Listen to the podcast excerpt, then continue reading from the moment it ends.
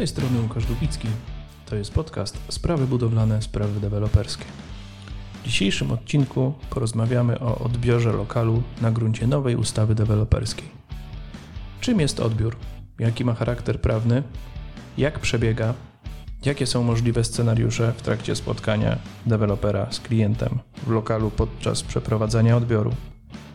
Co może się wydarzyć po podpisaniu protokołu odbioru? Kiedy nabywca może odmówić odbioru lokalu? Kiedy możliwe będzie wykonawstwo zastępcze w zakresie usunięcia wad na niekorzyść dewelopera? Kiedy możliwe będzie odstąpienie od umowy przez klienta? O tym wszystkim, a także o paru szczegółach w dzisiejszym odcinku. Zapraszam do wysłuchania.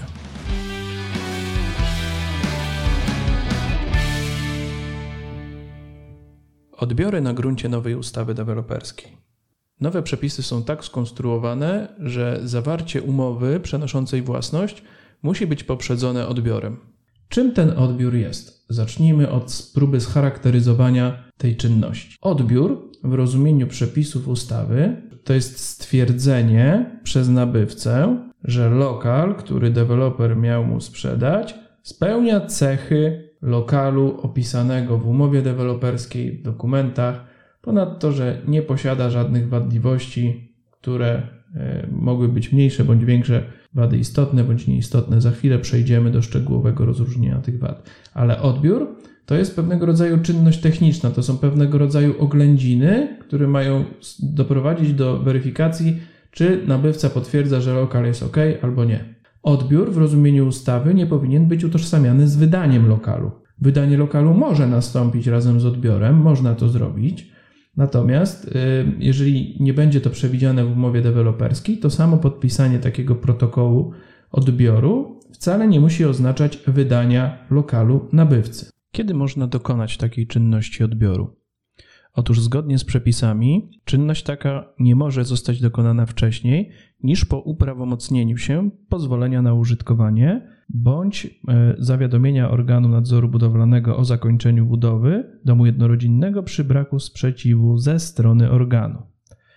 Natomiast e, drugą graniczną datą, kiedy odbiór można przeprowadzić, jest data zawarcia umowy przeniesienia własności, czyli odbiór przeprowadzamy w przedziale czasowym między pozwoleniem na użytkowanie a zawarciem umowy przeniesienia własności lokalu. Odbiór zgodnie z ustawą powinien być dokonywany w obecności nabywcy. Ten dość oczywisty z pozoru przepis wskazuje jednocześnie, że nie można skutecznie przeprowadzić jednostronnego odbioru przez dewelopera. Moim zdaniem nie jest możliwa również sytuacja, w której nabywca udzieliłby deweloperowi pełnomocnictwa do dokonania również w imieniu nabywcy jednostronnego odbioru, ponieważ tutaj sytuacja jest tego rodzaju, że udzielenie takiego pełnomocnictwa moim zdaniem nie jest możliwe z uwagi na konflikt interesów stron, sprzeczność interesów pomiędzy deweloperem a nabywcą w zakresie dokonywania odbioru takiego lokalu. Przepisy wymagają, żeby z odbioru sporządzony został protokół. To nic nowego. Dotychczas każdy odbiór potwierdzany był protokołem również na gruncie starej ustawy. Natomiast w przepisach, w nowych przepisach wskazane zostało także, co powinno się w protokole znaleźć. Otóż w protokole nabywca może zgłosić wady lokalu albo domu. Ponadto mm, należało, należy odnotować w takim protokole odmowę dokonania odbioru przez nabywcę w przypadku stwierdzenia wady istotnej również okoliczność uznania wady istotnej przez dewelopera albo odmowę uznania przez niego wady istotnej. Teraz chciałbym się skoncentrować na samej procedurze odbioru, czyli jak w praktyce może ona przebiegać. Załóżmy, że strony spotykają się w lokalu mieszkalnym w celu dokonania odbioru. Tutaj jeszcze zaznaczę, że zgodnie z nowymi przepisami odbiorowi podlega wyłącznie lokal mieszkalny. Nie ma obowiązku dokonania odbioru do, dla czynności, dla części wspólnych nieruchomości, bądź też y, dla lokalu użytkowego, czyli garażu. Ok, strony spotykają się w celu przeprowadzenia odbioru. Nabywca przeprowadza oględziny I może zaistnieć kilka sytuacji, które postaram się teraz równolegle i, i w miarę skrótowo omówić, tak, żeby e, podzielić je na pewne segmenty, żeby to było czytelne dla Państwa jako do osób słuchających. Mam świadomość, że e, zobrazowanie sobie tych scenariuszy jest trudne y, bez pewnej wizualizacji. Najlepiej to jest sobie rozrysować albo rozpisać. U nas w kancelarii zrozumieliśmy dokładnie procedurę odbioru, wyłapaliśmy pewne zależności dopiero po sporządzeniu takiego grafu, takiego wykresu, w którym poszczególne scenariusze i sekwencje układały się całość. Widać, jak się przenikają i w którym momencie co następuje, więc takie ćwiczenie polecam także Państwu przy analizie tych przepisów. OK. Doszło do oględzin, odbiór przechodzi w fazę podpisania protokołu odbioru. Tu trzeba zaznaczyć, że podpisanie protokołu odbioru zawsze powinno nastąpić przez obie strony. Jakby sytuacja, w której nabywca nie będzie chciał odebrać lokalu i będzie uważał, że odmowa odbioru jest E, równoznaczna z niepodpisaniem protokołu odbioru, popełni błąd, ponieważ może popaść w opóźnienie bądź w zwłokę w stosunku do dewelopera z wykonaniem swoich zobowiązań z umowy deweloperskiej. Dlatego taki protokół zawsze można, należy podpisać. Co może znaleźć się w takim protokole? W dużym stopniu zależy to od nabywcy. W sumie jest to kluczowa kwestia, co nabywca będzie myślał i co stwierdzi po dokonaniu oględzin w toku procedury odbioru. Generalnie wyjścia są dwa. Nabywca może odebrać lokal albo w wyjątkowej sytuacji odmówić odbioru lokalu. Zacznijmy od wariantu, w którym nabywca lokal odbiera, ponieważ on również dzieli się na kilka podwariantów, może tak je nazwijmy. Otóż, może tak, na, na, na początek, najprostszy wariant. Nabywca może dokonać odbioru lokalu, nie zgłosić E, żadnych wad w stosunku do przedmiotu umowy, podpisać protokół, otworzyć drogę stronom do zawarcia umowy przeniesienia własności. Ok, wszystko wydaje się jasne, natomiast deweloperzy powinni pamiętać, że mimo niezgłoszenia wad przez nabywcę do protokołu, nabywca do dnia zawarcia umowy przeniesienia własności nie traci uprawnienia do zgłaszania wad. Otóż wręcz przeciwnie. Nabywca nadal zachowuje prawo zgłaszania deweloperowi takich wad. W przypadku, kiedy mm, w okresie od dnia podpisania protokołu odbioru do dnia zawarcia umowy przeniesienia nabywca stwierdzi taką wadę i zgłosi ją deweloperowi, no to deweloper w ciągu 14 dni od otrzymania takiego zgłoszenia będzie musiał potwierdzić, czy uznaje wadę, bądź oświadczyć, że wady nie uznaje. Jeżeli natomiast deweloper będzie milczał w terminie 14 dni, nic nie powie, no to zafunkcjonuje domniemanie, że deweloper wadę uznał. Natomiast w ciągu 30 dni, i to od dnia stwierdzenia wady, znaczy w zasadzie od dnia e, zgłoszenia stwierdzonej wady do dewelopera, deweloper zobowiązany będzie do jej usunięcia. Jeżeli natomiast wady nie usunie, to będzie zobowiązany do wskazania nabywcy innego terminu usunięcia wady wraz z uzasadnieniem i z zachowaniem cechy takiej terminu, która sprowadza się do tego, że e, termin taki nie może powodować nadmiernych niedogodności dla nabywcy. Jeżeli deweloper natomiast nie wskaże takiego dodatkowego terminu, w którym zgłoszoną wadę usunie, wówczas nabywca uzyskuje prawo do wyznaczenia deweloperowi terminu na usunięcie wady. Podobnie uprawnienie zyskuje nabywca w sytuacji, w której mimo wyznaczenia terminu, w którym deweloper wadę usunie, wada nie zostaje usunięta. Czyli w, w dwóch przypadkach nabywca przejmuje tutaj rolę wiodącą i uzyskuje uprawnienie do wyznaczenia deweloperowi terminu na usunięcie wady. Po pierwsze, będzie to sytuacja, w której deweloper nie wskazuje nowego terminu na usunięcie wad, jeżeli nie usunął jej w terminie pierwotnym 30-dniowym od dnia zgłoszenia wady, bądź w przypadku niewskazania nowego terminu na usunięcie wady. Wówczas nabywca wyznacza deweloperowi nowy termin na usunięcie wady, a jeżeli deweloper tej wady nie usunie, termin w sposób bezskuteczny upłynie, nabywca zyskuje uprawnienie do usunięcia wady na koszt dewelopera.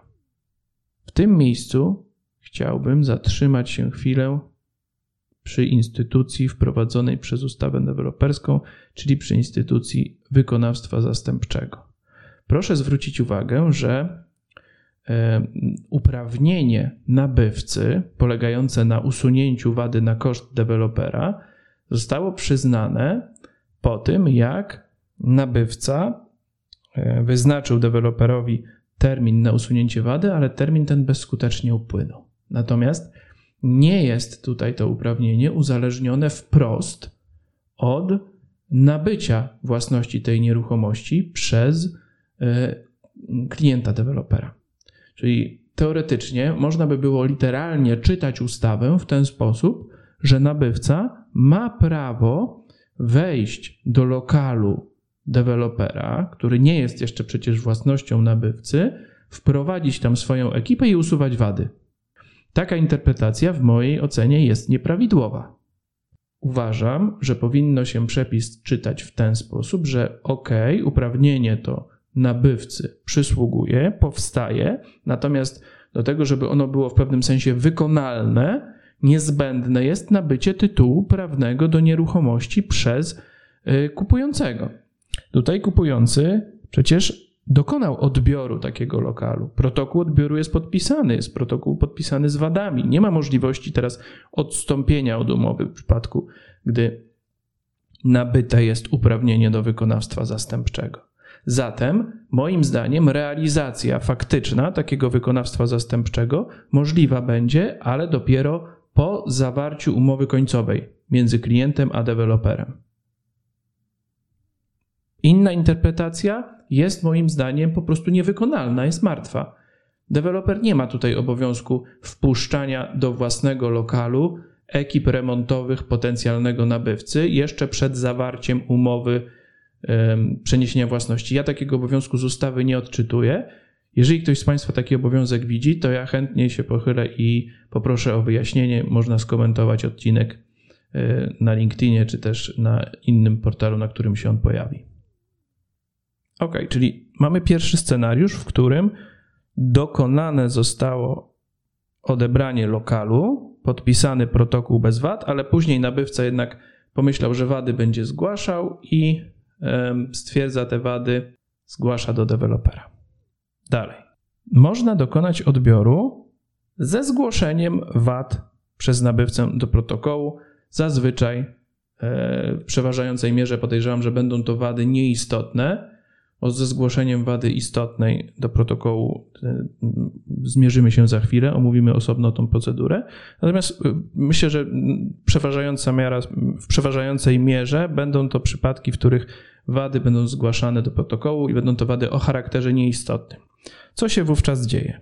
Wówczas e, po tym, jak nabywca zgłosi te wady do protokołu, deweloperowi przysługuje 14 dni na to, żeby zastanowić się nad tymi wadami i pomyśleć, czy te wady uznaje, czy nie uznaje, i złożyć w tym y, zakresie odpowiednie oświadczenie nabywcy. Czyli w ciągu 14 dni deweloper ma poinformować nabywcę o tym, czy wady uznaje, czy też oświadcza, że odmawia uznania wad. W tym wypadku powinien deweloper wskazać przyczyny, z jakich tych wad nie uznaje. Jeżeli nabywca dostanie taką odmowę usunięcia wad, to ma prawo dochodzić roszczeń cywilnoprawnych od nabywcy na gruncie niewykonania bądź nienależyte, niewykonania bądź nienależytego wykonania umowy w oparciu o przepisy ogólne kodeksu cywilnego i ustawy deweloperskiej. Jeżeli natomiast deweloper wadę uzna, no to w ciągu 30 dni ale nie w ciągu 30 dni od złożenia oświadczenia o uznaniu tej wady, ale w ciągu 30 dni od dnia podpisania protokołu odbioru, powinien tą wadę usunąć. Podobnie będzie, jeżeli deweloper będzie milczał, czyli 14, w ciągu 14 dni od podpisania protokołu odbioru nie wypowie się co do wad. Również otworzy mu się 30-dniowy termin, ale liczony od podpisania protokołu odbioru na usunięcie wad. Jeżeli wady zostaną usunięte, wszystko jest ok, możemy przystępować do zawarcia umowy końcowej. Jeżeli natomiast deweloper, mimo zachowania należytej staranności, jak stwierdza ustawa, nie usunął tych wad, to ma obowiązek wskazania nabywcy kolejnego terminu, w którym wady te usunie, ma obowiązek uzasadnić ten termin, wskazać dlaczego tych wad nie usunął, co się stało, no i ustalić ten termin w ten sposób, żeby termin ten nie powodował nadmiernych niedogodności dla nabywcy. Zatem w tym zakresie delikatnie, rozsądnie należy ten termin ustalić z nabywcą, ten termin, w którym wady zostaną usunięte. Jeżeli natomiast deweloper, mimo upływu tego pierwotnego 30-dniowego terminu, nie wskazuje nowego terminu, bądź też mimo wskazania tego terminu nie usuwa wad w wyznaczonym terminie, no to piłka przechodzi na stronę nabywcy i to nabywca uzyskuje uprawnienie do wyznaczenia deweloperowi terminu na usunięcie wad. Tutaj ustawa nie przewiduje żadnych obostrzeń, jaki to ma być termin, jak długi, jak krótki. Natomiast jak zwykle racjonalnie, on powinien być odpowiedni, czyli z jednej strony nie musi być jakoś wyjątkowo długi, ale z drugiej strony też nie może być wyjątkowo krótki, czyli nierealny, i taki, który w zasadzie nie pozwoli, biorąc pod uwagę charakter wad, deweloperowi na ich usunięcie w terminie wyznaczonym. Więc tutaj w przypadku nabywców też rozsądnie z wyznaczaniem tego terminu. Jeżeli deweloper usunie wady w tym terminie, to wszystko jest ok. Jeżeli natomiast wad nie usunie, termin bezskutecznie upłynie, to wówczas nabywca uzyskuje prawo do wykonawstwa zastępczego na koszt dewelopera. W przypadku dokonania odbioru możliwa jest też trzecia sytuacja, w której odbiór zostaje dokonany mimo zgłoszenia do protokołu odbioru przez nabywcę wady istotnej. Jeżeli wada istotna została zgłoszona do protokołu, zaś deweloper taką wadę uznał, to dochodzi do odbioru. Strony podpisują protokół odbioru i wówczas deweloper ma 30 dni na usunięcie wady istotnej. Jeżeli wadę usunie, wszystko jest ok. Jeżeli w ciągu 30 dni wady nie usunie, mimo należytej staranności, to ma obowiązek wyznaczyć nowy termin na usunięcie wad. Ten termin, podobnie jak w pierwszym przypadku, ma nie, ma nie powodować nadmiernych niedogodności w stosunku do nabywcy. Jeżeli natomiast deweloper terminu takiego nie wskaże, bądź mimo wskazania terminu wady nie usunie w tym terminie, nabywca ma uprawnienie do wyznaczenia deweloperowi dodatkowego terminu. Jeżeli ten termin wyznaczony przez nabywcę upłynie bezskutecznie, to w przypadku wady istotnej nabywca ma uprawnienie nie do wykonawstwa zastępczego, lecz do odstąpienia od umowy z deweloperem. Kolejnym scenariuszem, który jest możliwy w przypadku, e, gdy dojdzie już do podpisywania protokołu odbioru i do podejmowania decyzji przez nabywcę, jaka jest jego zdaniem jakość tego lokalu i co z nim dalej robimy, może być odmowa odbioru. Odmowa odbioru po pierwsze może nastąpić tylko z powodu istnienia wady istotnej. Jednocześnie odmowa taka może nastąpić, jeżeli deweloper odmawia uznania tej wady istotnej zgłoszonej przez nabywcę i taką odmowę wciąga się do protokołu. Jeżeli w protokole odnotuje się, że nabywca zgłasza wadę istotną, zaś deweloper odmawia uznania tej wady istotnej, no to nabywca odmawia odbioru lokalu. W związku z tym strony mają wyznaczyć sobie nowy termin odbioru. Strony mają go ustalić między sobą, przy czym termin ten powinien być tak ustalony, żeby umożliwić deweloperowi usunięcie tejże wady istotnej. Na drugim terminie strony spotykają się ponownie i wówczas nabywca może zrobić to samo, co we wcześniej omówionych scenariuszach. Po prostu odbiór zaczyna się jakby od początku, można odebrać bądź nie odebrać. Natomiast nie odebrać można lokal dopiero wtedy, kiedy e, ta wada istotna nadal istnieje, nabywca zgłosi wadę istotną ponownie, deweloper odmówi w protokole uznania wady istotnej, natomiast odmowa powtórnego odbioru lokalu wymaga przedstawienia przez nabywcę opinii rzeczoznawcy budowlanego na temat tejże wady istotnej. Przy czym e, przepisy ustawy tutaj dosyć dziwnie konstruują korelację między odmową odbioru, opinią rzeczoznawcy budowlanego i później skutkiem przedstawienia tej opinii i tego, co w niej się znajduje. Więc chwilę czasu chciałbym tutaj poświęcić na omówienie tego zagadnienia. Otóż odmówić odbioru może nabywca na powtórnym odbiorze z powodu istnienia wady istotnej, e, nie mając jeszcze przy sobie tej opinii. On odmawia odbioru będąc w trakcie tej procedury, natomiast ma 30 dni na to, żeby i tu nie wiadomo, co zrobić, moim zdaniem. Ponieważ przepisy mówią, że nabywca ma 30, w ciągu 30 dni wystąpić z wnioskiem o wydanie takiej opinii przez rzeczoznawcę budowlanego. Natomiast sformułowanie wystąpić z wnioskiem o wydanie opinii jest moim zdaniem niefortunne.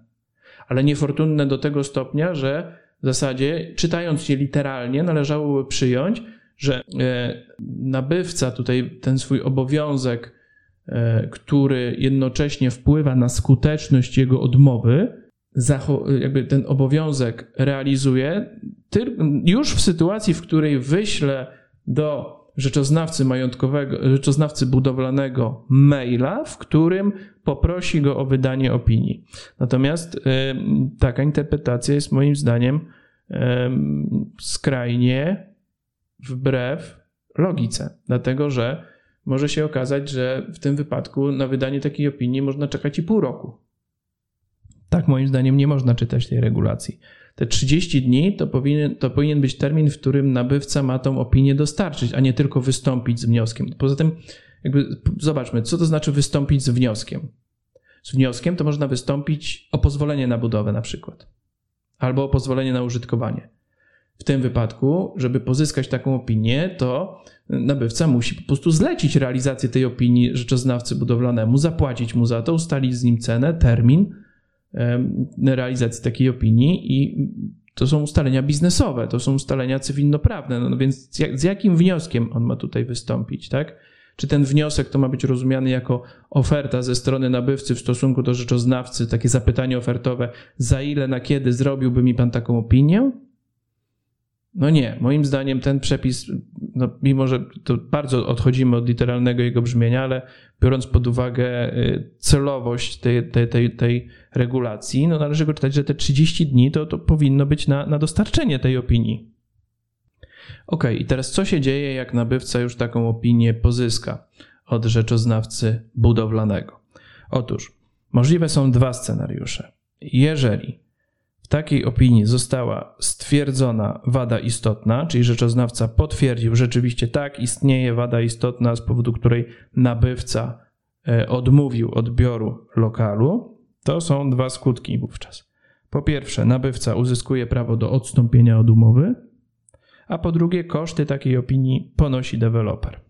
Jeżeli natomiast w opinii rzeczoznawcy znajdzie się treść zgodnie z którą nie stwierdza się istnienia tej wady istotnej, no to koszty opinii ponosi nabywca, no i strony powinny po prostu przystąpić ponownie do odbioru lokalu.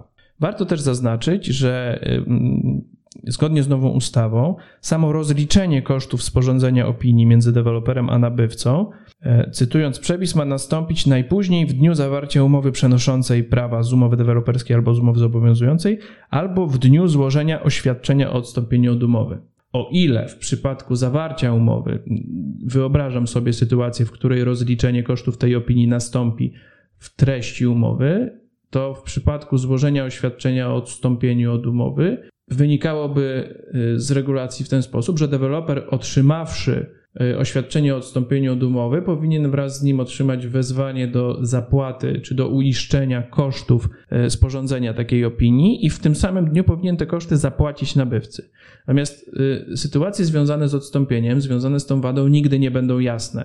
Zwłaszcza, że fundamentalna kwestia jest taka, że przepisy nie przewidują definicji wady istotnej.